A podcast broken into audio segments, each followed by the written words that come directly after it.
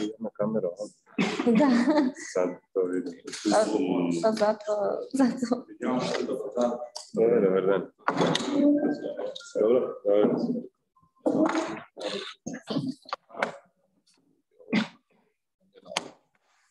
Možemo.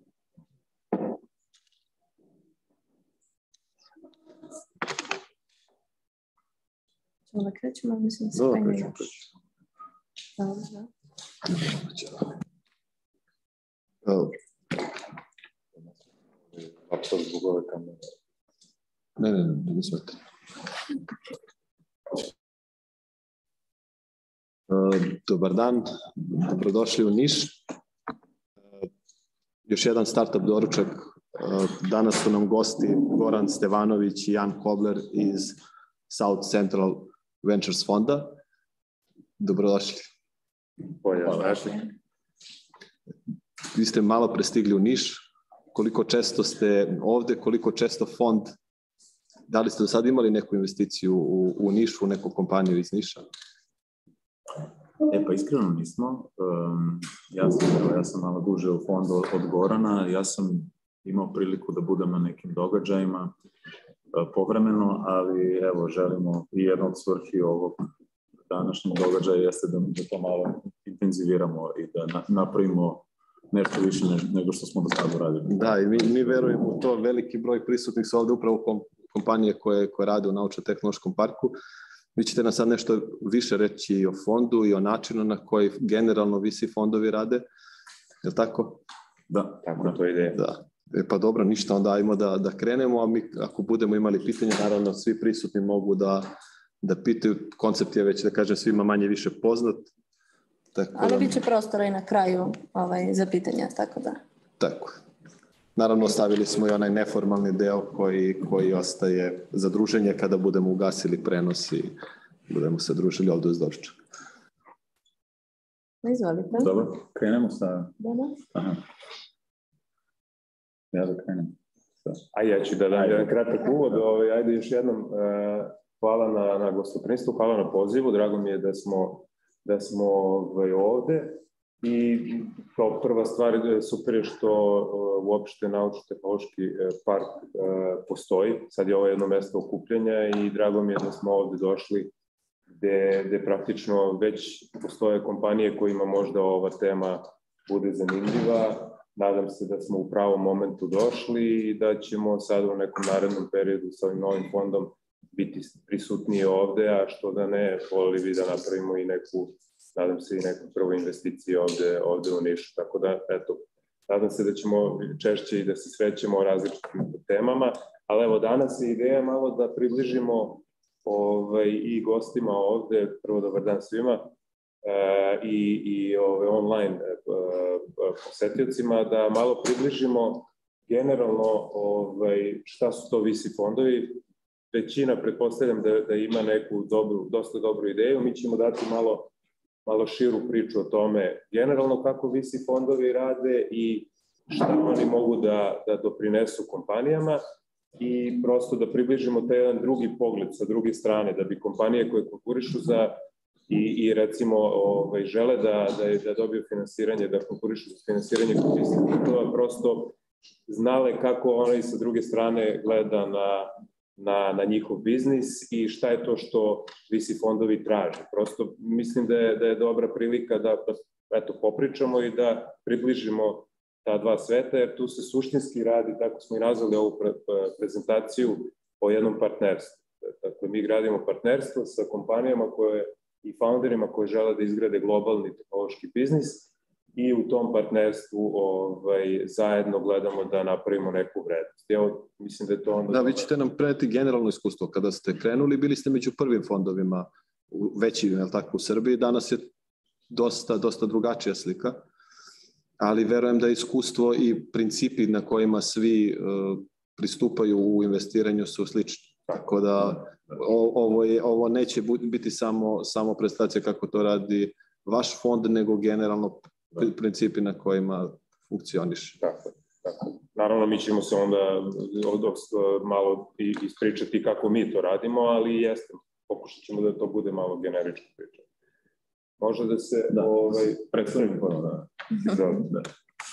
Um, evo, uh, ja sam Ja sam u tom nekom startup ekosistemu um, u radu sa fondovima, sa startupima već, već neko vreme, već nekih 12-13 godina. Imao sam, po osnovnom nekom obrazovanju sam, e, dolazim iz financija, tako da nešto što je poprilično e, u početku barem delovalo neinspirativno, ali imao sam sreće da kroz dodir sa startup ekosistemom da nekako se, um, se uplećem i u različite faze razvoja biznisa, u, u da kažem, različite razvoje, razvojne faze mladih, mladih kompanija. Imao sam sreću u početku svoje karijere da sam radio za jedan finansijski holding uh, u Sloveniji, gde je vlasnik uh, imao nekakvu pasiju, strast za, za podržavanje. Bio je angel investitor, eh, angelski investitor i onda je na nekoj tački došao do ideje da bi on želeo da napravi svoj fond. Ja naravno tad, to je bila 2006. 7.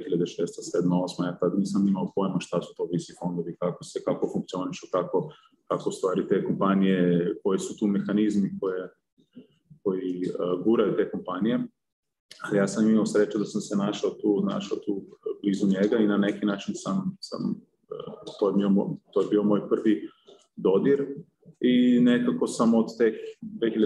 7. 8. sam ostao deo tog ekosistema i ono što mi najviše, da kažem, što me najviše vuklo i što me još uvek vuče uh, u tom poslu jeste da uvek imamo dodir sa kao prvo sa nekim novim, novim stvarima, gradimo nešto novo, gradimo nešto što kreće maltene iz nule, imamo um, dodir sa mnogo različitih karaktera, različitih ljudi, ali ono što je zajedničko svima jeste to da žele da pokrenu nešto, da menjaju nešto, da poboljšaju nešto i to je nekako bila i da kažem, mislim da kroz sve te godine i moja moja motivacija i to što me, to što me prosto drži, drži, drži u tom svetu i u tom, u tom ekosistemu.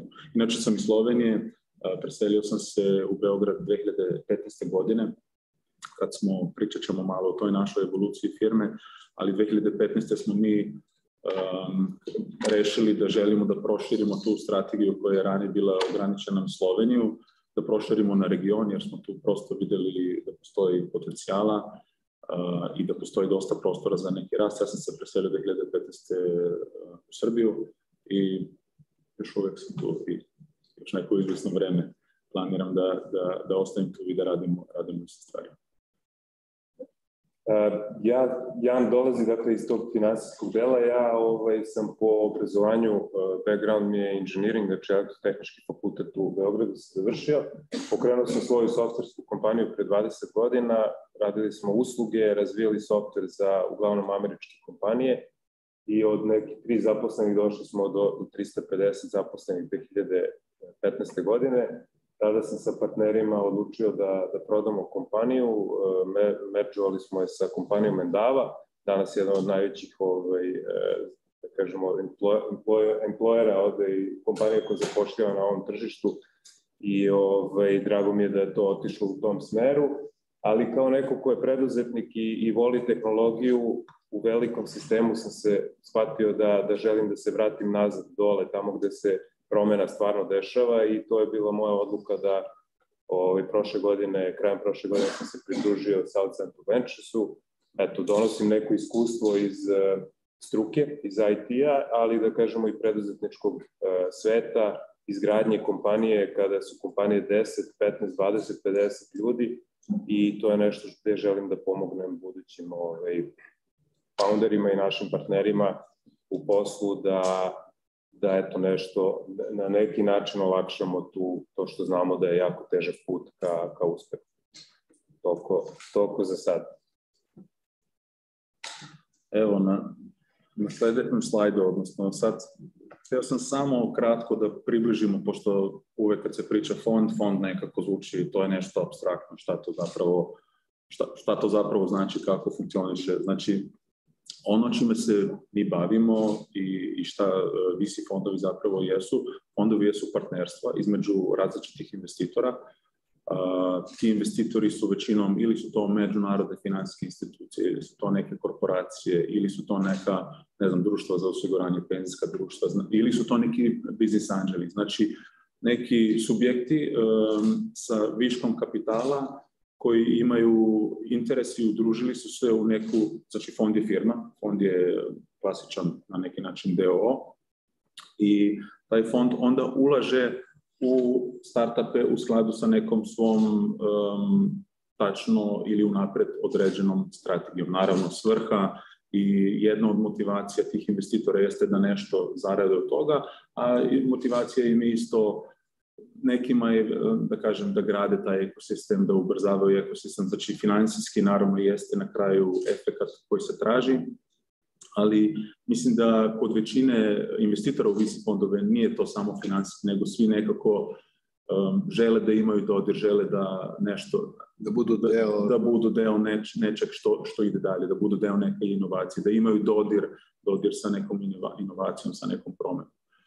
Um, fondovi obično se formiraju uh, na, na ograničeni rok trajanja, znači to je većinom 10 godina, gde se prvih 5 godina fonda um, mi kao fond menadžeri uvek tražimo prilike i investiramo taj kapital od svojih investitora, a onda u drugom, u drugom periodu od 5 godina traže se takozvani, verovatno ste čuli za exit. I to je, spominjat ćemo taj termin uh, par puta tokom prezentacije, jer je to nek, nešto što opet možda zvuči abstraktno i kad neko okreće svoj biznis, verovatno ni ne razmišlja o tome, ali to jeste jedan element našeg posla i celog ciklusa fonda koji je jako bitan uh, za nas i nama iz, iz tog razloga je bitno da i sa founderima i sa ljudima koji investiramo da imamo nekako usklađenost oko tog horizonta našeg ulaganja koji nije ultra kratkoručno, ali to je 5, 6, 7 godina, znači imamo i mi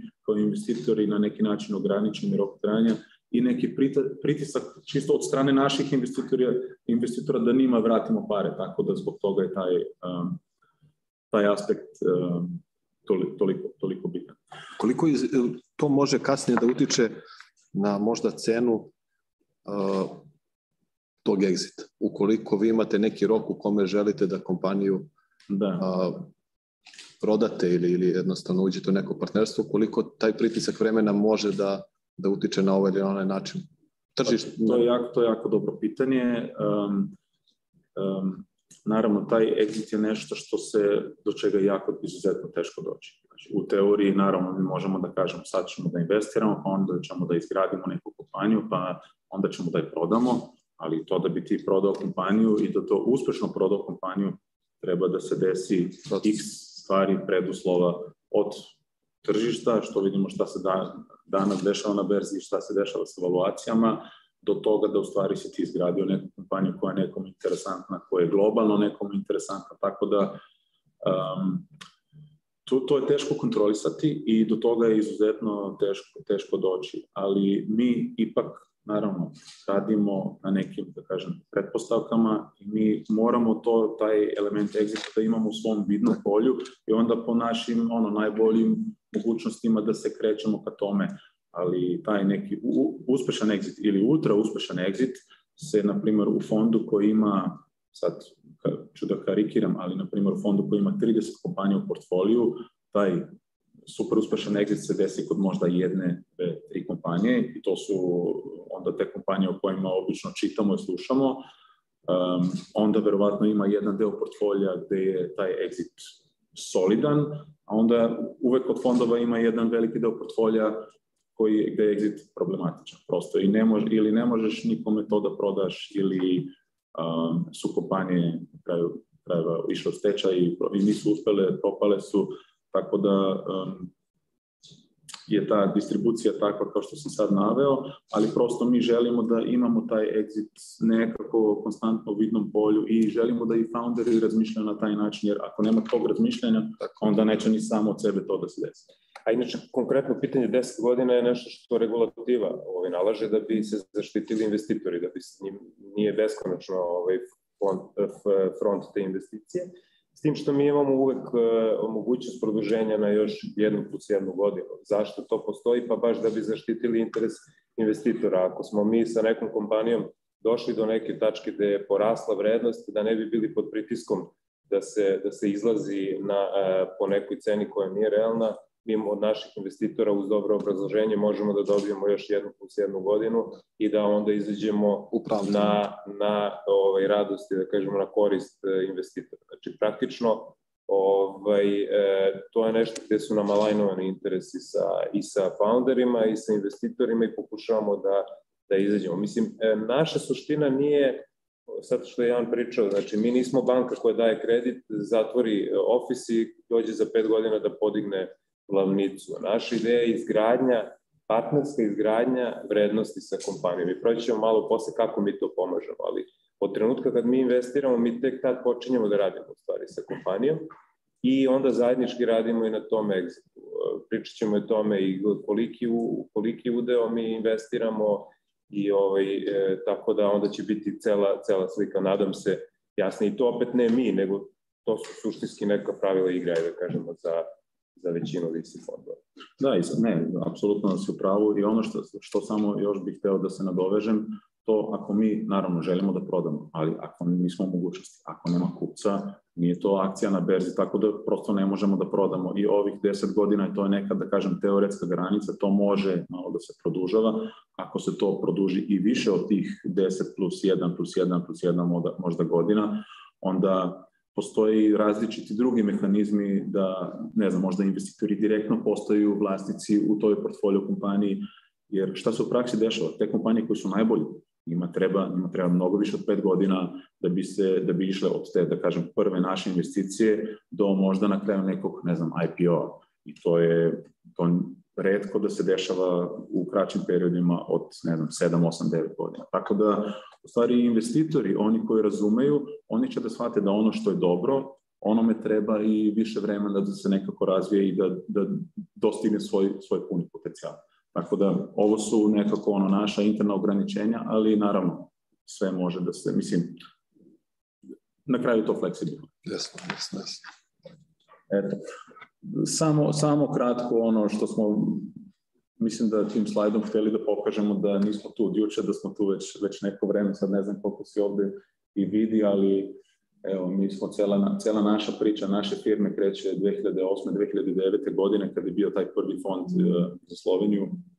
Postavljen, to je bio manji fond od 18-19 miliona, ali tu smo nekako učili, tu smo radili prve investicije i tu je do, bilo dosta i ne, na neki način i edukacije samog, samog tržišta, to je bio nov tip kapitala tada i mislim da u celom mislim, u regionu na neki način tad su, tad su i tehnološke kompanije krenule na jedan 2000, od 2000. dalje nekako, ja se sećam u Sloveniji da je to nekako krenulo, krenulo da se dešava i to je bio, neću sad da koristim reč, eksperiment e, možda bi bila, e, je previše radikalno zvuči, ali tad jeste, mi smo učili i um, dosta smo, mislim, u tom periodu naučili šta je sve potrebno u tom, u tom putu kad mi prvi kad mi uđemo u kompaniju, u vlasništvo kompanije i šta je sve potrebno da bi ta kompanija izašla na svetsko tržište i na kraju došla do nekog exita.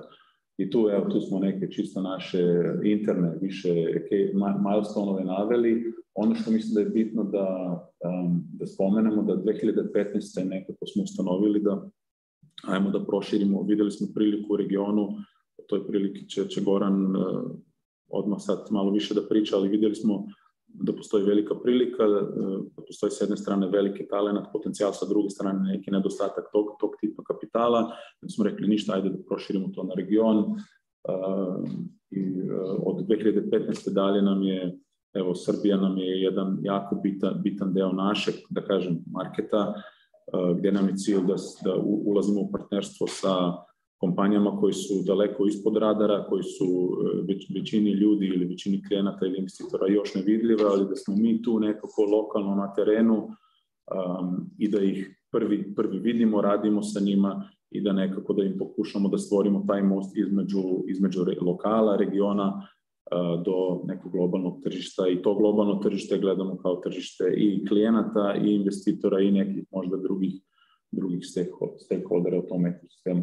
I ono što je na neki način možda i nije povod naše te prezentacije, ali jeste dobar, da kažem, dobar, dobar razlog. Mi smo sad krenuli u januaru u neki, da kažem, novi investicioni ciklus, dobili smo um, novi krug investitora koji su spremni da ulaže ovde u region, da podrže našu strategiju i evo, zbog toga želimo malo i naše te, da nazovem, marketing, sad radimo, marketinške aktivnosti i tu nekako edukaciju tržišta da uh, ponovo um, ponovo pojačamo, ali hoću da naglasim da smo tu prisutni već uh, u samom regionu od, od 2015. Konkretno u Srbiji smo uradili 16 investicija od 2015. do 2020. kad nam je bio taj investicioni period uh, onog fonda kada, kada smo ta, tada... Tada je 40 miliona bilo predviđeno. 40 miliona je bio fond, da, otprilike evo, 30, 29 kompanija investirano, polovina od toga matane ili više od polovina je bilo E, tu je, je, je u Srbiji. Tako da pričat ćemo malo kasnije o nekim konkretnim primerima e, iz e, ovog našeg srpskog portala. Da, ekosistem se očigledno u Srbiji dosta ono, brzo razvija. Sad, da li je brzo u odnosu na nas, ako ga poredimo sa, sa svetskim trendovima, ali ja mislim da su predikcije za ovu godinu 2 milijarde i 700 miliona da će da bude izvor, što je opet 700 miliona dosta veći nego, nego prošle godine i to govori koliko rapidno suštini raste uh, raste ovo tržište. Ja sam baš o tome teo da pričam i to jeste razlog, ovo ovaj, je odličan uvod, e, raz, jeste razlog zašto, zašto je Srbija u fokusu. Cela regija generalno, ali ajde da se vratim, statistički mislim da je u prethodnom fondu oko 50% investicija u stvari iz cele regije uređeno u Srbiji, tako da to govori da je, da je nama Srbija ovaj, definitivno i ono na što se i Jan i ja fokusiramo u okviru znači, organizacije koja pokriva regiju jeste, jeste, jeste Srbija. Ovde je generalno priča za regiju, ali, ali e, mislim da se to najviše vidi u Srbiji. da kažemo neki 2000-te smo mi se otvorili za biznis ka spolja, tad su krenuli prvi neki ovaj, početci IT kompanija, generalno što IT services kompanija, što nekih product kompanija. Sad kako je prolazilo vreme, e, Inženjeri su prvo sticali sve više i više iskustva radeći na ozbiljnim projektima za inostranstvo. Zatim smo se pre, prebacili sa rada samo inženjerskog na neki product development, pa neki project management, pa neki program management, pa neki middle management. Sve to trebalo neko vreme da se, da se izgradi i ja mislim da danas kad pogledate, mi imamo ekspertizu ovde da pravimo proizvode. Mislim, to nismo imali 2000-te. Imali smo dobre inženjere, ali nije dobar inženjer dovoljno da se napravi proizvod. Treba razumeti i, i šta su ovaj, use case-ovi, kako korisnik gleda da user experience i, i opet m, mm, e, razvijati proizvod at scale, ajde da kažemo nešto da je 200 inženjera radi nije isto što i razvijati proizvod sa, sa pet ljudi. Ja mislim da regija, a, a posebno Srbija, sad pomenuo se ovih 2,7 milijarde, ja se sećam 2004. kad smo formirali prvi prvi ovaj e, klaster IT kompanije u Beogradu, e, izvoz je bio 40 miliona. Mislim, ajde, a to nije tako daleka, ja se sećam, ja sam bio na tom... Koliko je fond opredelio to ove, 15. 40 miliona je bilo ove, ovaj, izvoza tada, sad je 2,7 miliona. Znači, mi stvarno smo ovde očigledno odlično pozicionirani.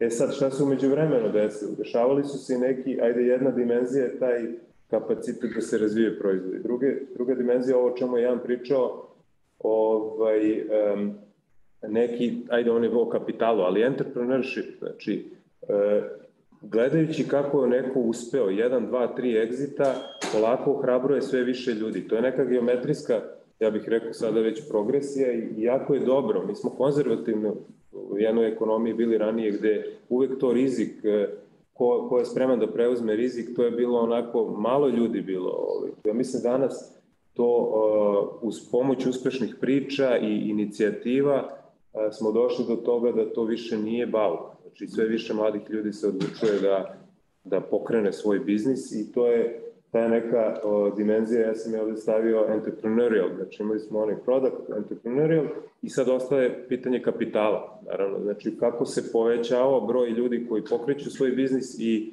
sposobnost da se naprave proizvodi, pojavila se rupa u u tom delu kako da finansiramo, zato što ako pogledamo da nam je konkurencija možda kompanija u Silikonskoj dolini ili negde u Berlinu, znači koja ima izvore kapitala na izvolte, e, kako da budemo konkurentni sa nekim ko lakše prikuplja kapital, a na istom smo tržištu, jer mi gledamo globalne ove aspiracije, mi gledamo kompanije koje danas možda razvijaju regionalna neka rešenja, ali da im je globalna aspiracija nešto što, što u šta mi verujemo i što želimo da podržimo I, I onda se polako pojavljuje i taj kapital, da li kroz VC, da li kroz neke egzite, ljudi koji su uspeli da naprave neke egzite, sada deo tog kapitala vraćaju nazad u ekosistem i ja mislim da je sada ekosistem a, postaje prilično zrelo. Znači, bez ove tri komponente nema zrelog ekosistema. Naravno, svako tu ima svoje mesto. Mi, e, naučno-tehnološki parkovi koji sada ovaj, preuzimaju tu neku podršku u ranoj fazi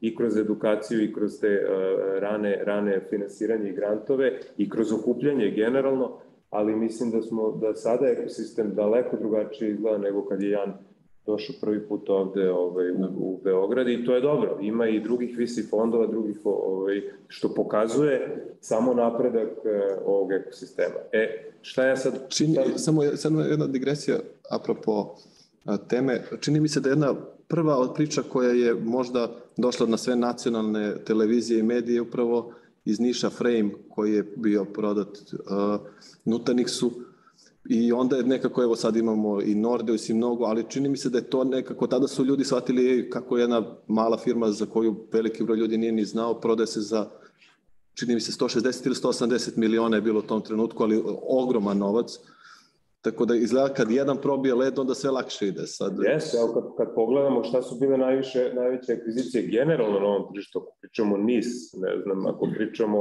o Moptelu, to su iznosi koje danas dostižu kompanije za koje niko nikad nije čuo, a to su neki, ajde da kažemo, klinci iz garaže krenuli, pokrenuli i to je uticalo i na taj entrepreneurial deo, ali i na ovaj kapital. Taj deo kapitala se vraća ovaj, nazad, a iskustvo da ne pričamo, znači iskustvo da, da, i vera u to da mi možemo da razvijemo dobar proizvod, to je nešto što gura celu priču dalje. I ono što je nama zanimljivo, zašto verujemo u ovu regiju, e, nije, nije neko došao ovde i sipao neku ogromnu količinu novca i napravio ekosistem. Ekosistem se u stvari izgradio bottom up i zato mi verujemo da neka oluja sutra koja će da tune, da ona će neće tako lako moći da ga sruši i, ovaj, i Eto, to, je, to su naše neke teze zašto verujemo u, u, u ovu, ovu regiju, a kažem, e, za nas dvojicu je fokus Srbija i ja i verujem da će i u ovom nekom fondu dobar deo ove investicija biti. Naravno, to se zavisi od trenutka, od kompanija koje će, koje će ovaj, imati potrebu za kapitalom, ali vidim, verujem da ćemo opet imati dobar deo portfolija ovde, ovde iz Srbije. E, Možda smo malo um, u ovom uvodnom delu bili opširni, ali evo sad ćemo da se fokusiramo na ono uh, koja je to faza u koju mi investiramo. Znači, uh, ajde da kažemo u nekom razvojnom ciklusu jedne uh, startup kompanije gde imamo onaj pre-seed, sam početak, tu su Friends, Family i, i Pulse, ajde da kažemo u startu. Dobro, sve veći pa. broj sada imamo i poziva koji upravo tu fazu kod nas podržavaju, tako da što je nešto tako što je tu dobro.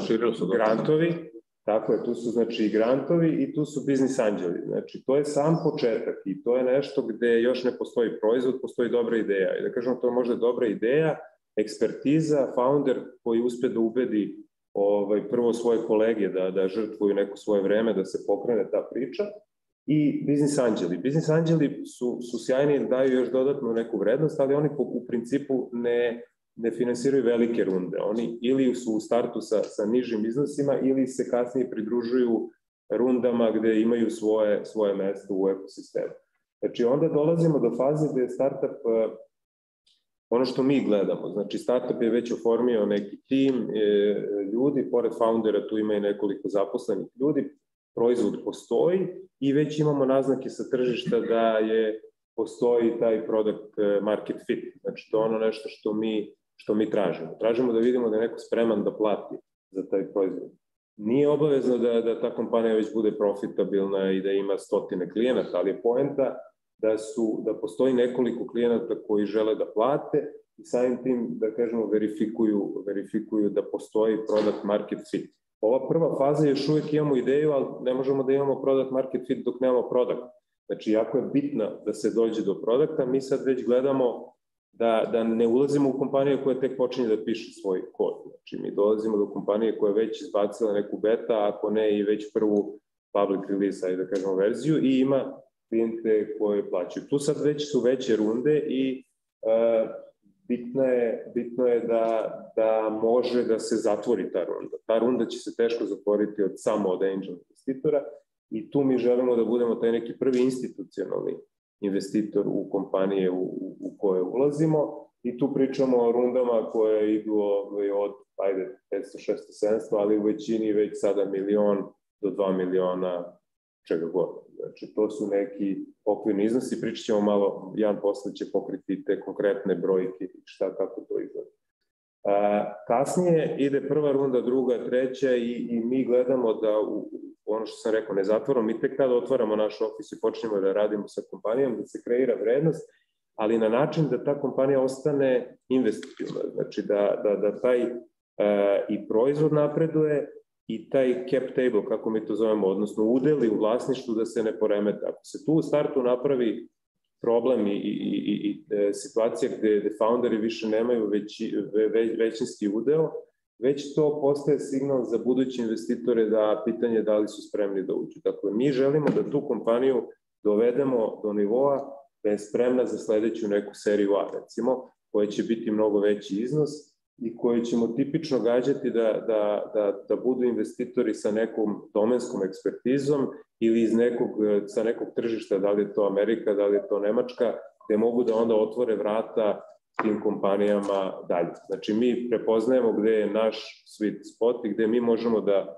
da damo najveću vrednost, ali isto tako prepoznajemo da, da bi naša investicija povećala svoju vrednost, mi moramo da znamo kad je pravi moment i ko je pravi sledeći investitor koji će onda tu kompaniju dovesti do, do sledećeg nivoa. Dakle, mi nemamo ideju da budemo prvi jedini e, investitor, nego tačno znamo koje je naše mesto i i želimo da radimo ka tome da dođemo do sledeće runde. U sledećoj rundi ćemo mi tipično da pratimo sa nekim manjim iznosom, ali, ali tada želimo, mi više nismo lead investitor. Da li je to jedna, dve, ali ta serija A, to je moment kada mi ovaj, možda delimično izlazimo, to je pitanje sad opet e, samih dilova, da li će taj veći investitor tražiti da mi izađemo parcijalno, ali mi želimo da ostanemo, jer naš, u stvari, povraćaj za naše investitore će se desiti u nekoj tamo treći, četvrtoj rundi, idealno IPO ili kao što je ja rekao, ovaj, ili možda neki strateški exit eh, prodaja nekoj većoj kompaniji u samoj,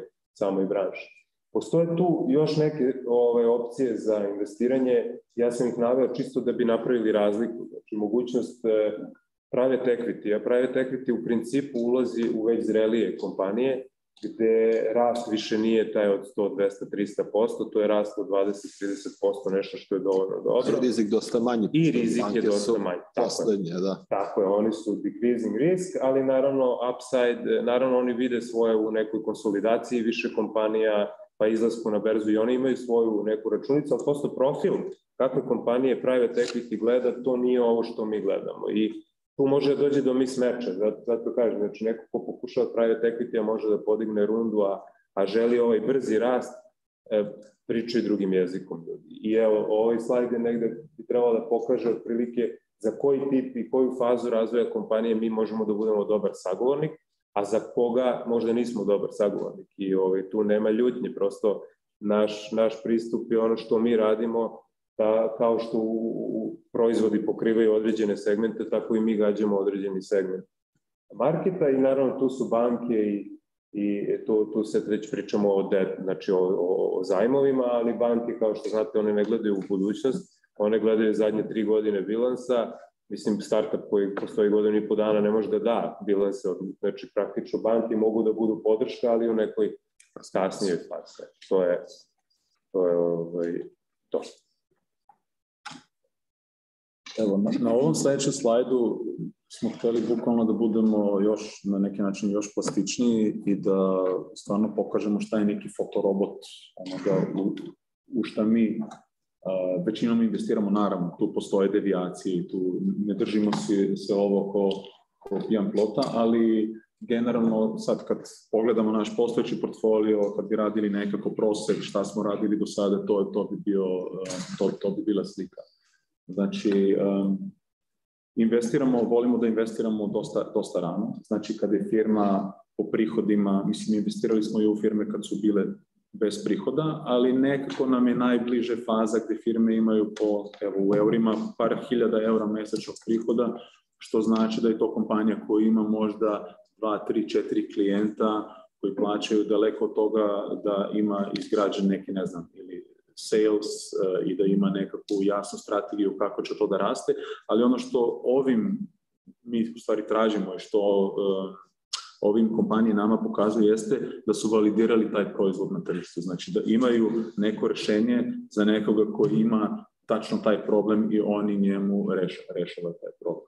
Znači to su većinom mali timovi, eh, mi uvek gledamo da, ne znam, investiramo u firme koje imaju dva, tri, četiri možda osnivača, to nekako gledamo da nam je pokazalo se kao naj, naj, najzdraviji, da kažem, broj ljudi koji su, koji su u toj početnoj strukturi, mada opet postoji izuzetke, investirali smo u firme gde je, bilo, gde je bio jedan sam osnivač, eh, što donosi sa sobom određene izazove, i investirali smo i u firme gde je bilo šest osnivača, što opet eh, donosi možda neke prednosti a eh, i, ne, i neke izazove ali većinom je to mali tim, dvoje, troje osnivača, desetoro zaposlenih.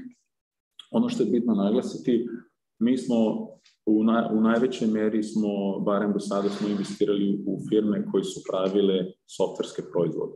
I pravili su softverske proizvode za kompanije, to znači da su u nekom B2B, B2B eh, prostoru se kreću, znači da prodaju kompanijama, a ne prodaju nekim krajnim, korisnika, kraj, krajnjim korisnicima, da su na nekom retail marketu. Zašto smo se tako opredelili? Ja mislim da većina motivacije, nekako smo najlakše, najlakše razumemo tu modele i naš nekako domain ekspertiz naš network najviše dolazi iz tog, iz, tog, iz tih sektora. I nekako opet vraćam se na tu tržišnu validaciju, Eh, kot B2B software kompanija smatramo da je najlakše i pod znakom navoda najjeftinije validirati da li tvoje rešenje nekome zapravo rešava problem, jer ti možeš relativno, ne, ne moraš da gađaš, ne znam, hiljade kupaca, nego gađaš manj, manji broj kupaca, njima se više posvetiš i možeš relativno brzo da dođeš do nekih rezultata u smislu, eh, u smislu prodaje i monetizacije toga što, toga što nudiš. Um, generalno ono što bih rekao što se strategije tiče, um, uh, sve naše kompanije na takav ili onakav način su nekako ubrzavaju digitalizaciju um, svojih klijenata i industrije u kojim uh, ti klijenti nastupaju. Znači, digitalizacija, neka pametna automatizacija, to je, ja bih rekao, neki zajednički um, um, common denominator, kako bi to nazvao, većine naših, naših kompanija uh, u koje smo investirali. I to, I to se kreće preko različitih sektora. Mi smo investirali u kompanije koje su, na primjer, u poljoprivredi, ali u poljoprivredi koji rade, na primjer, software za taj takozvani precision agriculture, gde um, gde, gde poljoprivrednici sa, sa jako velikim količinama mogu da ukazuju na neke delove E, njihovih površina gde, gde trebaju da se fokusiraju u određenim, e, na određen način. Onda smo e, investirali u nekoliko kompanije koji su u fintechu, gde naravno mislim, svi znamo da tu se dešava dosta ono, jedna revolucija ili inovacija i imamo par kompanija koje nekako se dodiraju tog prostora. Imamo kompanije koje su, imamo nekoliko kompanija koji se dodiraju um, elektron e-commerce-a, um, ne u smislu da bi mi investirali u neke prodavnice, nego više smo investirali uvek u kompanije koji pružaju razno razne opet podršku ili su to neki veliki igrači na globalnom tržištu e-commerce, znači koji, koji nude neke servise tim um, velikim globalnim, globalnim igračima. Um, I ono što se tiče čisto prosječnog iznosa, možemo to malo kasnije, ali evo, mi generalno nemamo nekih jako kažem, fiksnih ograničenja, ali tipično nekako pa naša prva investicija bi bila oko pola miliona eura um, i gledamo sad mogu iz, na, na primjerima iz prošlosti da kažem, na primjer prosečna investicija, prosječna ono, ispostavljenost naša do kompanija u prosečnom fondu je milion eura.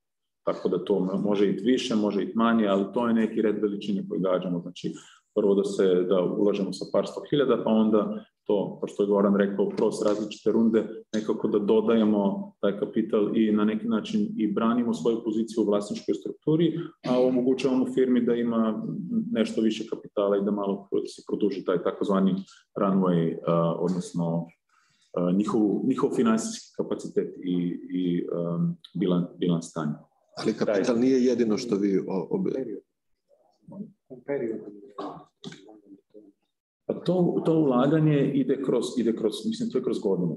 Tako da mi, na primjer, evo, ako, na primjer, inicijalna investicija pola miliona, ja bih rekao da tipično mi ćemo verovatno u roku od narednih 18 do 24 mjeseca, znači tamo godina i po, dve godine, dve i po godine, mi ćemo vjerojatno, ako će kompanija da ide ispunjava te planove da i da ide tom nekom trajektorijom koju smo zacrtali, mi ćemo još da dodamo i već u toj drugoj rundi mi ćemo pokušati ono što je Goran rekao da, da dovedemo još neki fond koji ima um, koji je prisutan na geografskom možda tržištu koje ova kompanija gađa, ako je ne znam to neka zapadna Evropa, ako je to Amerika, znači pokušamo da privučemo koje investitore zbog veće količine kapitala, A još bitnije od toga, zbog nekog ili to domensko znanje ili to neko specifično, jer svaki novi pametan koji dolazi za sto će doći sa nekim novim idejama, sa nekim svojim networkom, sa nekim svojim iskustvom i to će prosto da se da ubrzava um, razvoj, razvoj te firme. A nego što uđemo u ovo šta konkretno i kako još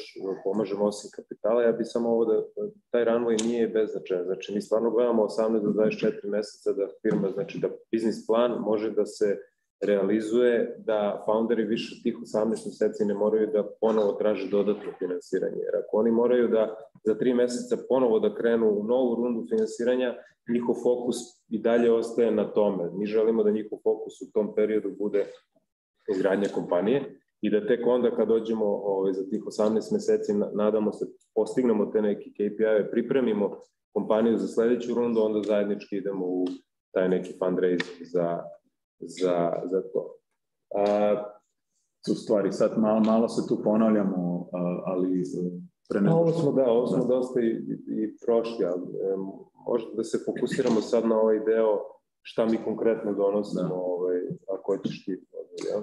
To, znači, a, novac nije jedino, tako. šta više on je da, bitan, ali onda, da, ali on, postoji da, dosta... Možemo naravno, ali onda bi skočili samo na krepazi, imamo taj, e, kako naš proces deluje, ili par to možemo. A dobro, da. ajmo onda redom. Ne znam, mislim što se strategije tiče, mislim da smo tu već sve ispričali, tako da, da, da. E, A, da proces je nešto što ćemo da ubrzamo, znači ovo je nešto čisto da u, dva, u minutu da, da, da, da razumete kako mi kako mi gledamo na, na, na, na startup, da kažemo, gledamo neki preliminarni screening, da li imaju working prototype, kako sa, u, u prvom i to nekoj diskusiji sa founderima vidimo da li uopšte pričamo isti jezik, da li se razumemo, koji traction kompanija ima, znači imamo tim, imamo proizvod, imamo business model, koje su aspiracije, da li postoji globalna aspiracija ili je to neko lokalno rešenje regionalno, i ako se tu kockice ovaj, poklope, tek onda ulazimo u neku detaljnu analizu samog marketa koji se gađa, da razumemo koliko je veliko to tržište, koliko je, kako je konkurencija, da li je previše zasićeno tržište, da li radimo samo još jednu sličnu stvar kao ta kompanija, još jednu sličnu stvar koja već postoji, gde će biti pitanje tog executiona samo ko će to bolje uraditi i ovaj, koji konkretan budžet, malo uđemo i u to kako, kako će se ta investicija naravno potrošiti na šta u tih narednih 24 meseca, da li samo na izgradnju proizvoda ili ono što mi želimo da vidimo dobro izbalansirano, znači i izgradnju prodajne strukture i ovaj, dovođenja možda nekog sada već da nije više founder jedini prodavac, nego da tu postoji sada u tom narednom periodu izgradnja i u smislu prodaje, business developmenta i naravno proizvoda i širenje na neko novo tržište. Znači to je ono što u principu što u principu obično ovaj, gledamo da, da ta investicija pokrije Posle toga krećemo ovaj, u, u, u samu konkretizaciju samog dila, o dogovor oko, oko ovaj, i equity i, i kako konkretno možemo da pomognemo kompaniji i e, ako prođemo sve ove faze sa kompanijom, e, dolazimo u fazu e, naše ponude, potpisivanje dokumentata i closinga deal. Koliko ovo obično traje? Pa mi volimo da se upoznamo s kompanijama da u nekom periodu ovaj, vremena prođemo malo i vidimo uh, posle nekoliko meseci od kad smo prvi put pričali, na primjer posle mesec dana se vidimo, pričamo, ukoliko još priča nije zrela, da vidimo kako kompanija napreduje prema ciljevima koje nam je prvi put rekla i da, da prosto gledamo, pratimo to, to sazrevanje kompanije. Nismo neko ko ima otvoren šalter, vi podnesete zahtev i mi odmah kažemo da ili ne. Redko kad će doći baš kompanija koja je spremna u tom trenutku da, da, da, da zatvorimo rundu Češće će biti e, varijanta da se upoznamo, da se posle mesec dana ponovo čujemo, vidimo kako stvari napreduju i Vjerojatno da, da, da upoznate tim posvećeno. Tako je, tako, tako je. Treba neko vreme, jer ovo partnerstvo, znači cela prezentacija se zove partnerstvo, ovo partnerstvo treba da traje i da preživi i da napravi uspeh u narednih 5, 6, 7 godina, kao što smo pričali. Znači, nije lako, mi ne donosimo odluku samo na bazi brojki, nego, na, nego i na bazi toga ko su founderi, koje su njihove aspiracije, koliko vidimo da su komitovani na, na, na, na sve to i, i zato kod nas taj neki period e, tog upoznavanja traje duže. Kad dođemo do samog term šita i pregovora, to onda ide brže. Mi tad već znamo da želimo da investiramo i onda samo želimo da alajnujemo dobro, dobro interese foundera pa da sa, sa našim interesima. Da.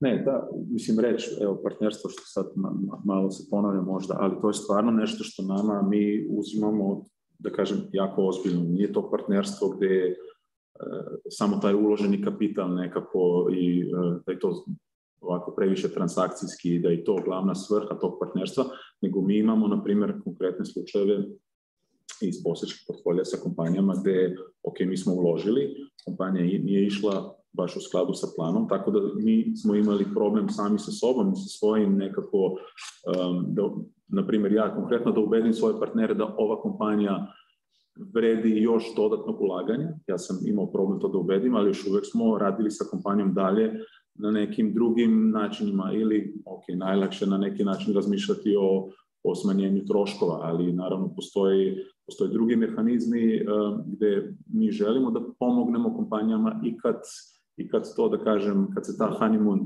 me, medeni mesec, kad se završi, kad možda budžeti nisu tamo gde bi trebali da budu i kad e, ponekad e, finansijska, finansijska situacija u kompanijama nije najoptimalnija. Ovaj, ovaj slajd smo hteli da dodajemo prosto iz razloga što mislim da se dosta puta, barem, mislim ja sam imao iskustvo na tih prezentacijama, se pojavljaju pitanje, na primjer, koliki vlasnički udeo fondovi e, tipično uzima. I to nije sad e, naš fond, nego mislim da ono što sad pričamo za nas, mislim da važi za većinu fondova koji su tu prisutni u regionu. Ima par e, fondova iz Bugarske koji znam da su, mislim, koji su aktivni, naravno ima fondove iz, fondove iz Rumunije, Mađarske, Slovenije, Hrvatske, tako da mislim da to sve nekako važi, važi za, za celu industriju. Um, znači, mi kad ulažemo, tipično ćemo, ok, sad smo tu naveli neki interval od 10 do 25% e, vlasničkog udela, to može da bude i manje, redko mislim da može da bude ili u redkim slučajevima i više, baš su to specifični slučajevi, e, ali to je nekako taj neki prosek e, naše, da kažem, inicijalne pozicije koje se onda tokom sledećih rundi investiranja većinom ili ostaje ista ili se, um, ili se man, malo čak smanjuje ako kompanija jeste uspešna i ide tim putem uh, da može da privuče, ne znam, investitore ili to neka zapadna Evropa ili to Amerika ili to, ne znam, um, da su to neke Arabski Emirati, gde isto imamo koje investitore.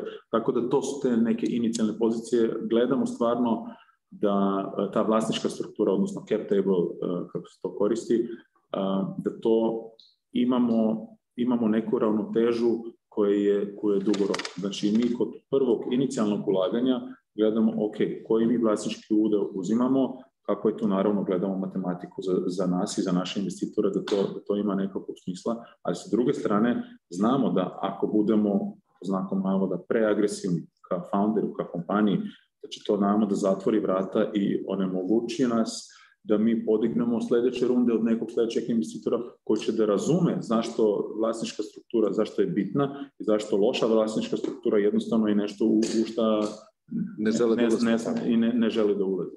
Tako da hoću to da naglasim, da stvarno imamo taj nekako, ono, pokušamo da sagledamo sa svih, sa svih strana te, te aspekte. Um, ok, Sad pričali smo, pričali smo do, da. Ajde. To ovo konkretno pitanje kako, kako mi to kako ove, ovaj, da jasno. E, e, da, evo. A. Znači, svaka kompanija je priča za sebe i naravno svaka, svaka kompanija ima neke svoje i e, jake strane i izazove i neke nedostatke. Većina kompanija u koje mi ulažemo, e, to su pokrenuli inženjeri, znači kompanije su dosta ono, fokusirane na product development, um, možda ponekad previše, znači ponekad founderi u koje mi investiramo, u, u većini slučajeva founderi ne pričaju dovoljno sa svojim klijentima, sa svojim potencijalnim klijentima, sa, sa investitorima, nego im je nekako sigurnije i lakše da se fokusira na proizvod, na građenje tog proizvoda.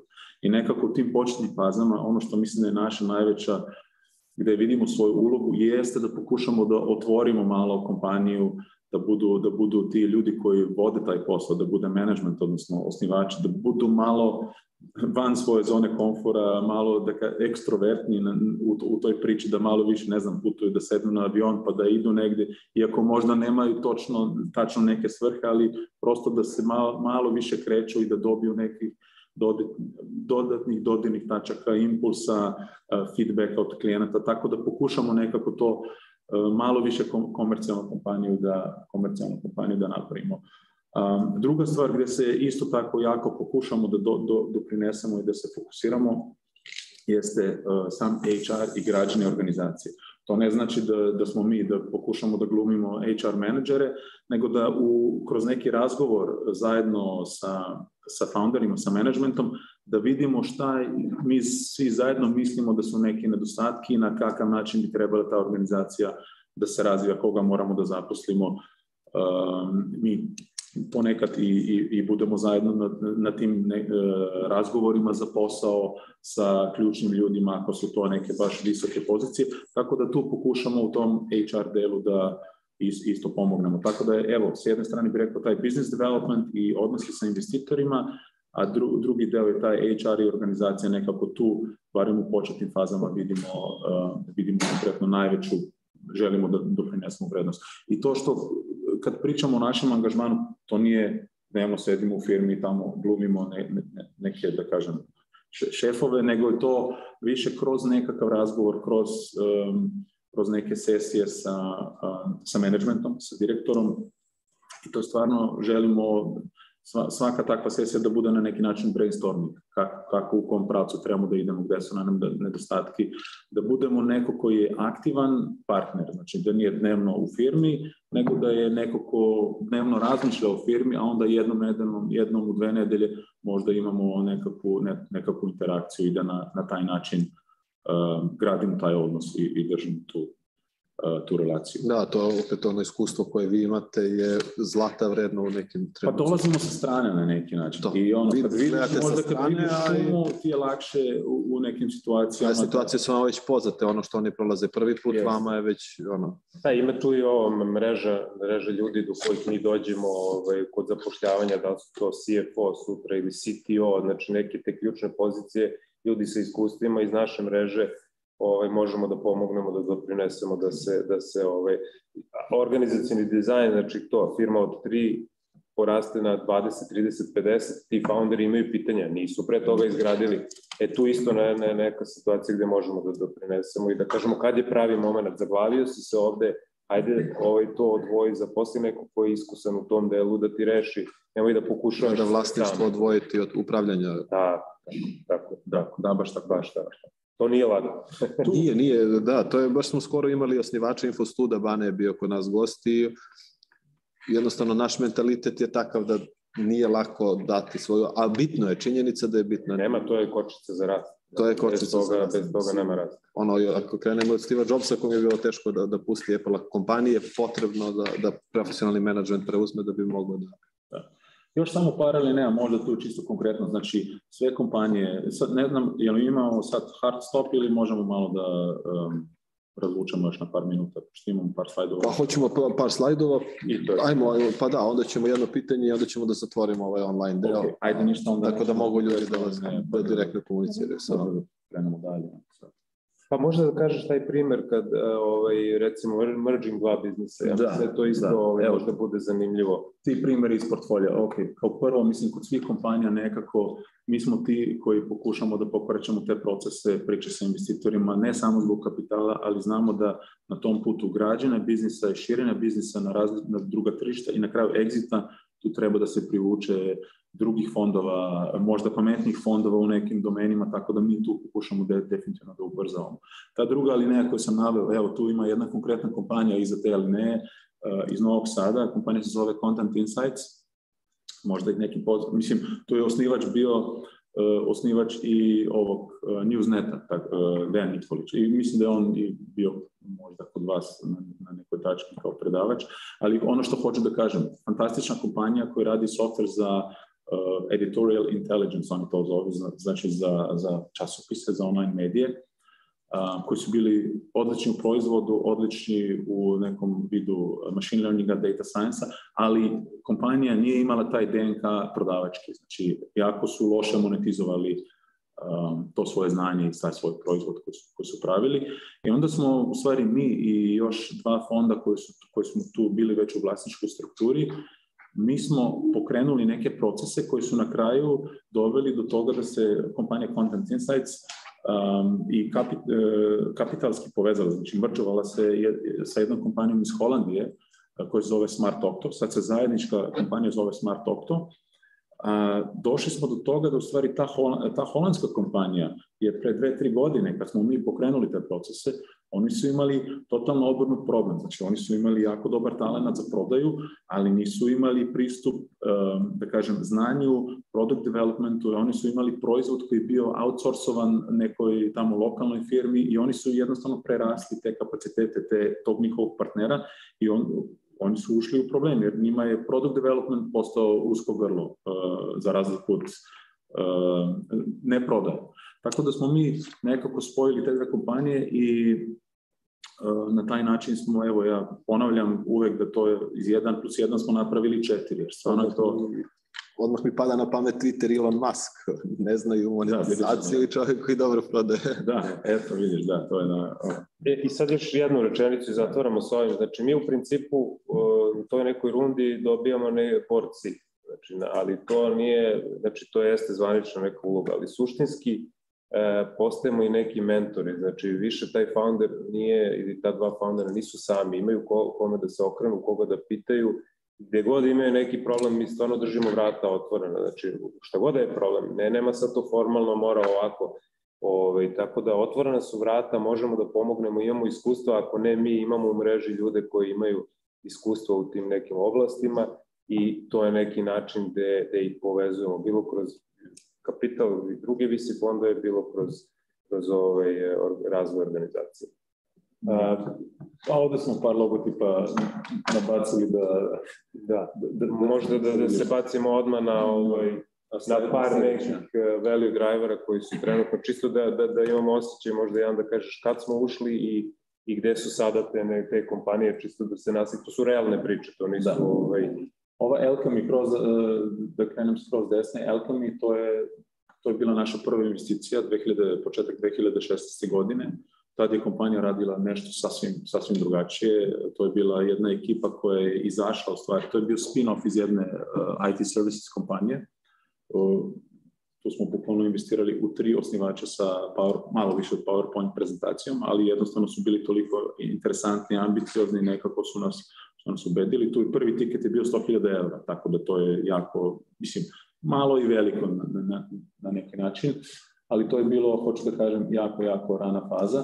I onda se ta kompanija um, razvijala, ušli su u izgradnju softvera za hemijsku industriju, znači nešto skroz drugačije što sa čime su krenuli i oni su jedan primer toga kako prolaziti od, od toga da tu u regionu kreneš da gradiš neki proizvod, pa onda su, su se i oni su se udružili sa jednom kompanijom iz, iz uh, San Francisco, tako da sad management sedi tamo u San Francisco, ovde je product development i to je kompanija koja ga, gađa i napada nekako globalno tržište i oni su poš, posle naše investicije su prolazili kroz nekoliko rundi investiranja, tu je mislim da sad četiri ili pet fondova uh, E, većina iz Amerike, i jedan iz Nemačke, su investirali posle nas i evo, oni su sad, ovih dana su u procesu da, da dižu uh, seriju A, što je na neki način Mi, mi uvek kažemo da mi vod, želimo da odvedemo kompanije od te neke rane pre-seed, seed faze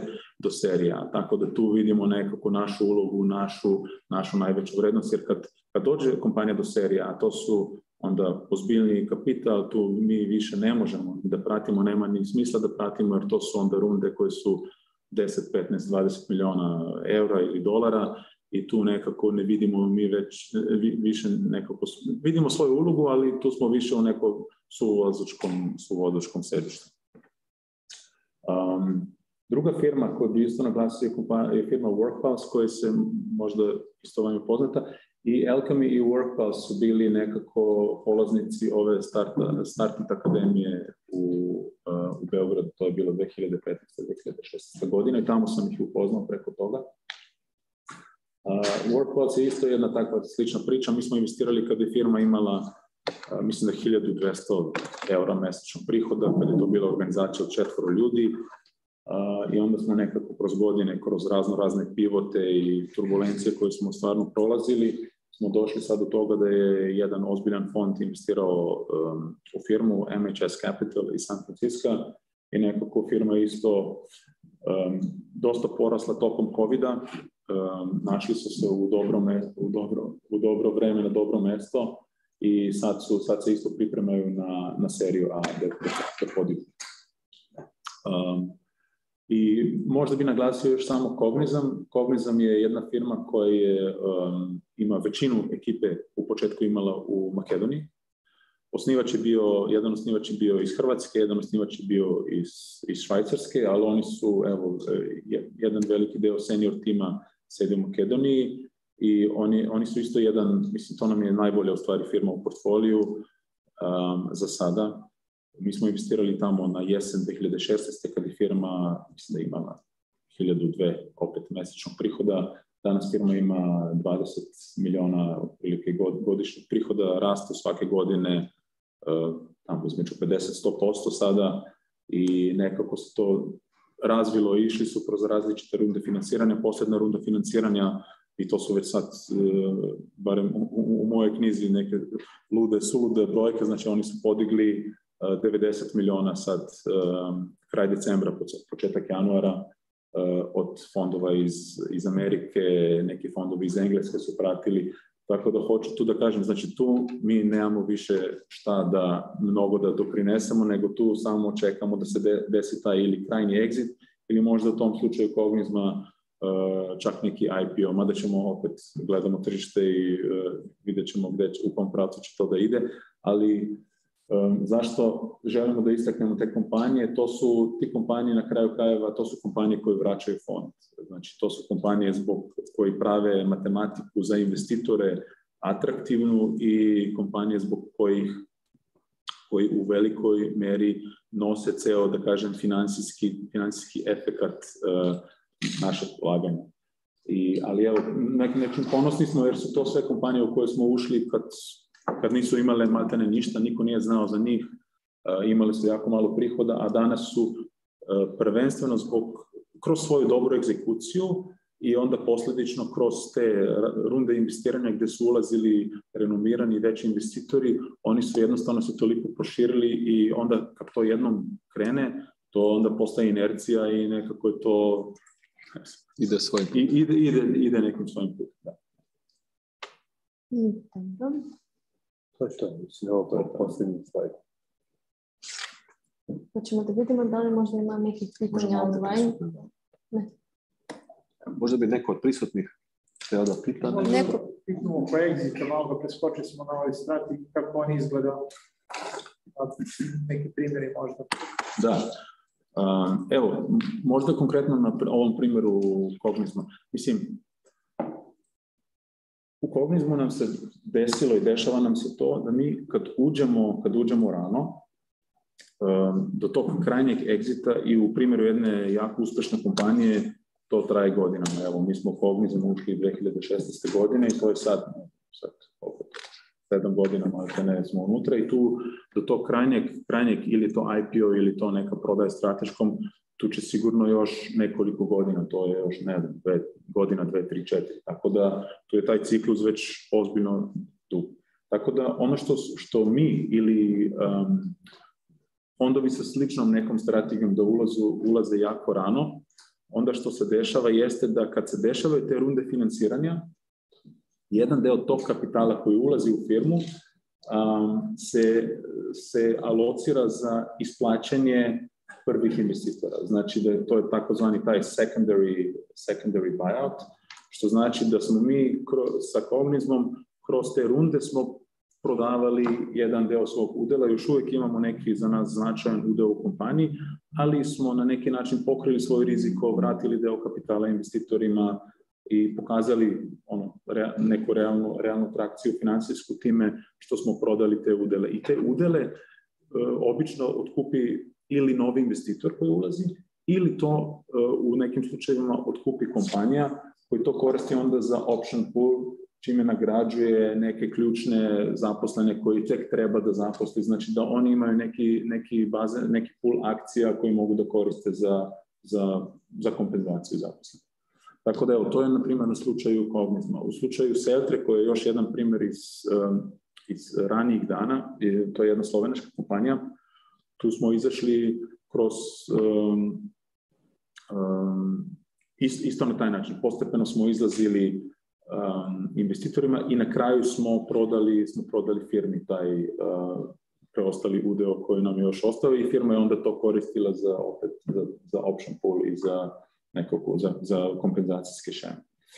Um, ono što Onda imamo druge primere, na primjer na leto prošle godine smo prodali jednu firmu koja se zove Molo. Oni su radili softver za, um, to je jedan momak snivač iz Srbije, ali se već u mladosti se uh, iselio, školovao se u Americi. I on je napravio firmu za, koja je pravila softver za marine, za nautičke marine. I tu je uh, prošle godine došlo do egzita uh, nekom strateškom igraču u prostoru koji u stvari je nešto se dodirivao ne, ne, njegove industrije, ali oni su se prosto, to je bila kompanija Storable i taj Storable je hteo da se širi u management marina i u management tih uh, camping prostora ili uh, depova za, za, za kamp prikolice. Tako da jedan jako evo, specializowana industrija, ali prosto to je jedan primer strateškog, strateškog uh, kupca koji je kupio. I sad što ja primećujem da se u poslednje vreme dešava, znači primer strateški igrači, kao što je na primjer ovaj Storable, oni iza sebe imaju private equity fondove. I ti, pogotovo u, u sad u poslednjih nekoliko godina, na tržištu je bila ogromna količina kapitala i ti private equity fondovi su previše čak kapitalizovali te kompanije i onda su ih na neki način terali ili je bila strategija da se, da se ide u akvizicije. Onda su ti strateški igrači koji su imali kapital od private equity fondova, su kupovali kompanije koji su bili neki ne, ne baš startupi, ali neki startupi koji su dokazali dovoljno veliku trakciju, da su uh, uboli neko tržište i onda su radili te akvizicije. Tako da to je, da kažem, jedan drugi, drugi scenarij. Dobro, to je to. Zatvorit ćemo sad online deo, a vi slobodno ostali koji imate nešto da pitate, slobodno pitajte. Hvala svima koji su gledali i vidimo se naravno. Hvala, hvala i vama na ovoj odličnoj prezentaciji. Verujem da ste otvorili velike broj tema i da će biti dosta pitanja. Mi ćemo sada ugasiti prenos i počinjemo ovaj neformalno da kažem da, da pričamo. Hvala vam. Hvala. hvala.